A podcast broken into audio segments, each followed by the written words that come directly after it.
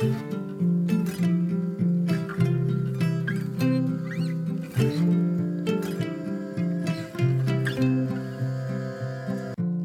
och välkommen till For Health med Anna Sparre! Idag ska vi prata mat som medicin, metylering och genetik. För idag kommer, på er lyssnares förfrågan, den helsvenska versionen av det Omaro Cadogan sa i avsnitt 172 och 173. Tänk dock på att han berättar mer i intervjuerna, så missa inte att även lyssna på 172 och 173. Men först tänkte jag påminna dig om att du kan boka mig som föreläsare, både till event för privatpersoner och till ditt företag. Och om du är nyfiken efter avsnittet så hittar du som vanligt mer information på forhealth.se.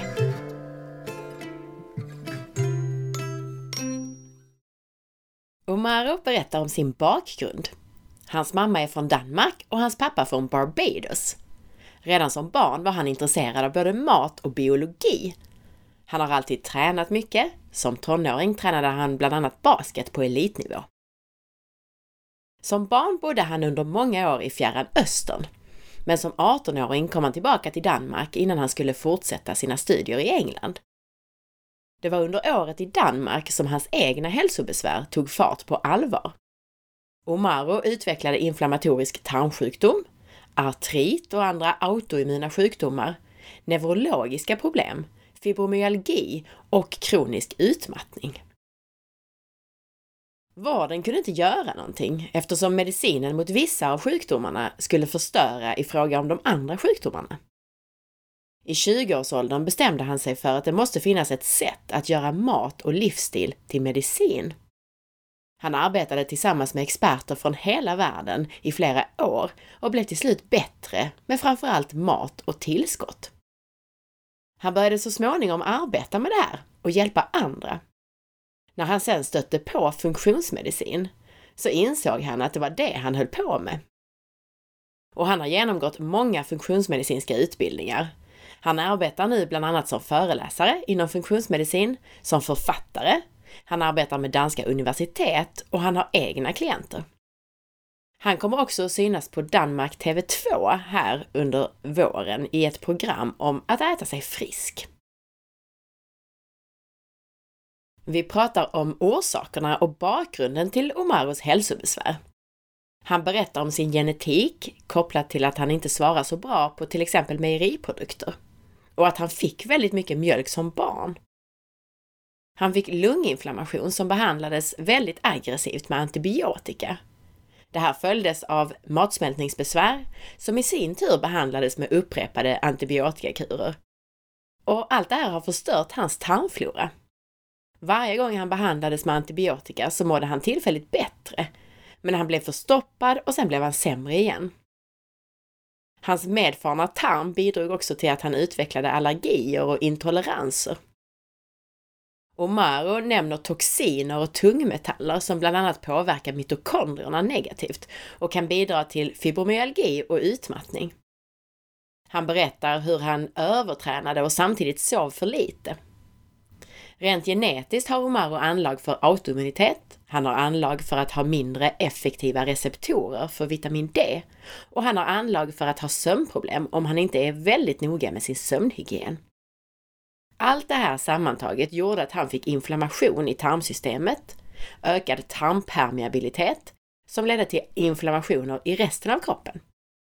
Detta i kombination med nedreglerad mitokondriefunktion och samtidigt stora påfrestningar på kroppen ledde till utmattning.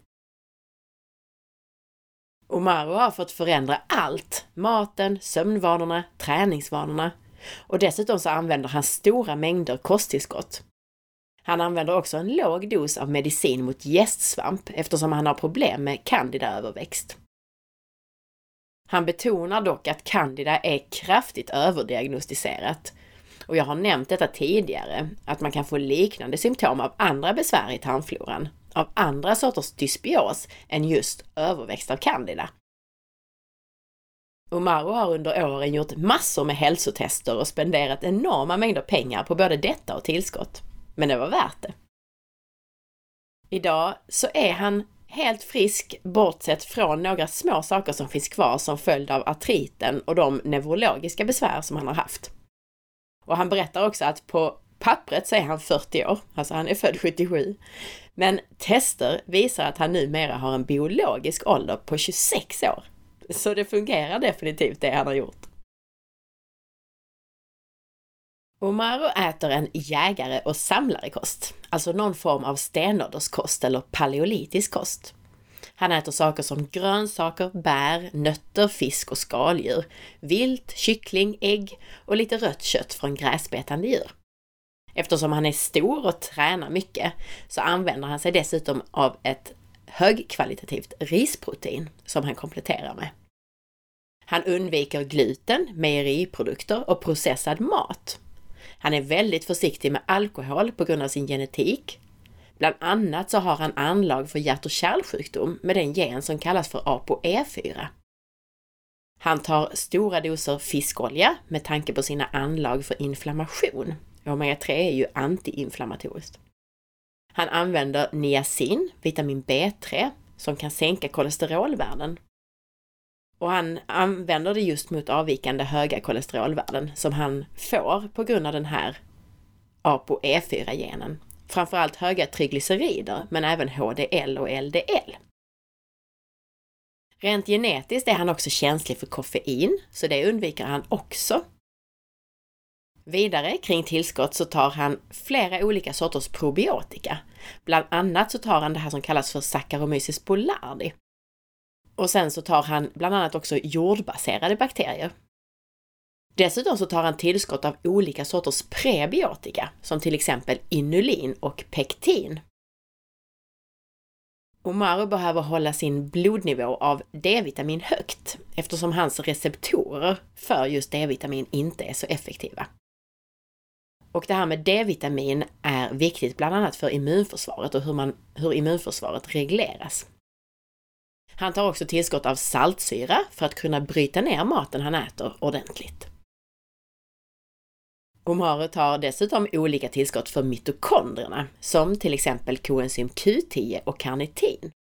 Han tar adaptogener för att komma till ro på kvällen och han använder sig också av melatonin. Han betonar också att mat och tillskott behöver individanpassas. Även om det finns saker som inte är bra för någon då, som alla ska undvika alltså, som processad mat och konstgjorda fetter till exempel. För att bli frisk med mat så rekommenderar Omaro att äta en liten tallrik som du delar med bokstaven T. Det vill säga om du gör ett T över tallriken så att 50% av tallriken är det som är ovanför teet. Och det här ska bestå i huvudsak av grönsaker, men även av bär och lite frukt. Sen har du en del, alltså ungefär 25% som består av protein från bra källor och fett. Här kan det finnas till exempel fisk, kött i form av till exempel vilt, här kan finnas ägg och så vidare. Men här finns det också fetter som avokado, olivolja och nötter. Resterande 25% kan vara oprocessad stärkelse i form av whole foods som till exempel sötpotatis, potatis, quinoa, bovete och brunt ris. Och en liten parentes här, ni som har arbetat med mig, ni känner nog igen en liknande modell som jag brukar använda mig av. Men på min tallrik så får fettet en egen liten ruta och stärkelsen får istället samsas med andra delar på tallriken. Oavsett så handlar det om mycket grönsaker och naturliga källor till fett och protein. Samma tänk här alltså. Ingen processad mat, bara rena råvaror.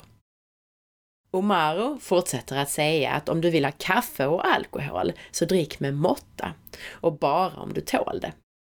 Han säger att syrade mejeriprodukter kan vara bra för den som tål det, till exempel yoghurt och även vällagrad ost som är en bra källa till vitamin K2.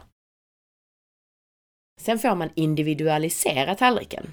Har du diabetes eller PCOS så får du till exempel skippa stärkelsen. Han ger just en diabetiker som exempel. Den här diabetikern hade stor övervikt och höga blodsockervärden, trots massor med läkemedel som skulle sänka blodsockret, inklusive insulin. Och han fick ju givetvis då låta bli frukt och stärkelse på den här tallriken och istället äta mer fett, protein och grönsaker. Och han kunde på så sätt normalisera blodsockervärdena. Omaru bemöter de som kallar grönsaker för kaninföda med argumentet att kaniner både har mycket energi och hög sexualdrift. Dessutom så är den här maten bra för att motverka gravitationens kraft på bröst och annat eftersom den innehåller de näringsämnen som behövs för att bilda kollagen. Vem ska testa sin genetik? Omaro börjar med att säga att ett enda hälsotest aldrig kommer att säga allt. Men DNA-tester kan ge dig ytterligare en bit av pusslet. Han tycker att man ska göra ett DNA-test tillsammans med en terapeut eller läkare som har kunskap inom området. När det gäller genetik och DNA-tester är det också viktigt att komma ihåg att genes load the gun and the environment pulls the trigger. Alltså, generna laddar pistolen, men det är miljön och livsstilen som trycker in avtryckaren. Generna är alltså inte hela sanningen. Men har du till exempel sjukdom i familjen eller om du själv har många diagnoser som eventuellt kan spåras tillbaka till hur vissa funktioner fungerar i kroppen, så kan ett DNA-test ge dig en pusselbit till att hitta orsakerna. Även för dig som vill förebygga sjukdom så kan det vara bra att veta till exempel hur du svarar på inflammation eller på blodsocker och insulin. Det kan hjälpa dig att prioritera vad som är viktigast att göra för just din hälsa. Han föreslår att man inte gör det här som sitt enda hälsotest och att man först har det grundläggande på plats, som bra sömnvanor, fysisk aktivitet och hälsosam mat. Metylering är en enkel biokemisk reaktion i kroppen där du tar en metylgrupp och flyttar från en molekyl till en annan i kroppen. En metylgrupp i sig är en liten enkel förening. Men den används för extremt viktiga saker i kroppen. För att kontrollera många viktiga saker i din biokemi. Har du problem med metylering så kan du ha problem med allt. Du använder metylering för att stänga av och sätta på gener, för att laga skador på DNA eller tysta ner gener som är skadade. Metylering används dessutom för att producera och bryta ner signalsubstanser. Har du problem med metylering kan du alltså ha problem med över eller underproduktion av signalsubstanser och med nedbrytningen av dem. Metylering används för att bryta ner könshormoner och östrogenliknande toxiner. Så hormonella problem kan bero på metylering. Metylering används också för andra reaktioner i din biotransformation, alltså för att ta hand om oönskade ämnen. Metylering används i din energiproduktion för att bilda kreatin och för att bygga in omega-3-fettsyror i dina cellmembran. Metylering behövs för att bilda vävnad som kollagen. Det används för att bilda kväveoxid i dina blodkärl och det är en del i processen för att göra sig av med homocystein. Det påverkar alltså allt. Några av generna som är viktiga att testa för metylering, det är MTHFR, MTRR och COMT. MTHFR möjliggör för dig att producera metylfolat. Metylgruppen måste sedan tas från folat vidare till B12, kobalamin, och bilda metylkobalamin. MTRR är enzymet som skapar metylkobalamin. Särskilt genen för MTHFR är viktig eftersom det verkligen kan hämma metyleringen i kroppen om du har en inom citationstecken dålig version av den här genen och du då inte är noga med att adressera det här med rätt kost och tillskott för just detta. KOMT, det är ett enzym som använder metylgrupper för att bryta ner oönskade ämnen som östrogenmetaboliter och för att bryta ner adrenalin, dopamin och noradrenalin. Denna gen är alltså också mycket viktig att ta hänsyn till. Om du har problem med MTHFR, och Omaro nämner särskilt en SNP på genen som kallas för 677, som kraftigt kan minska aktiviteten i MTHFR-enzymet. Om du har problem här så är det viktigt att äta en kost som är rik på naturligt folat, som mörkgröna bladgrönsaker till exempel. Ät fermenterad mat som innehåller metylfolat. Det är också bra att äta mat som innehåller betain, som till exempel betor, och glycin, som till exempel benbuljong. Har du rent genetiskt problem med metyleringen så är det också bra att göra ett test i form av en metyleringsprofil där man inte bara tittar på genetiken, utan man mäter nivåer av olika markörer för din metylering, hur den fungerar här och nu. Då får du reda på mer specifikt vad du behöver ta som tillskott för att få ordning på metyleringen. För du kan behöva saker som metionin, metylkobalamin, SAM, metylfolat, vitamin B6 och magnesium. Har du verkliga problem med KOMT så kan det vara så illa att du bara bryter ner stresshormoner som adrenalin och noradrenalin till 20-25% av den normala hastigheten. Alltså bara en fjärdedel så bra som den som inte har ett, ett sånt här problem.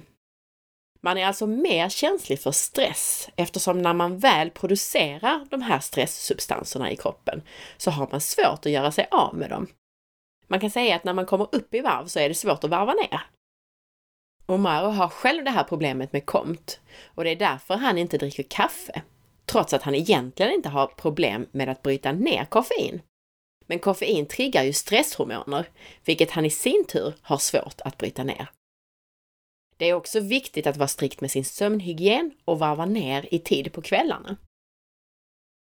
Personer med KOMT-varianter är dock ofta väldigt drivna och har inte sällan ett högt IQ. Och det här har att göra med ansamlingen av dopamin. Men det blir lätt att det här tippar över och skapar problem istället.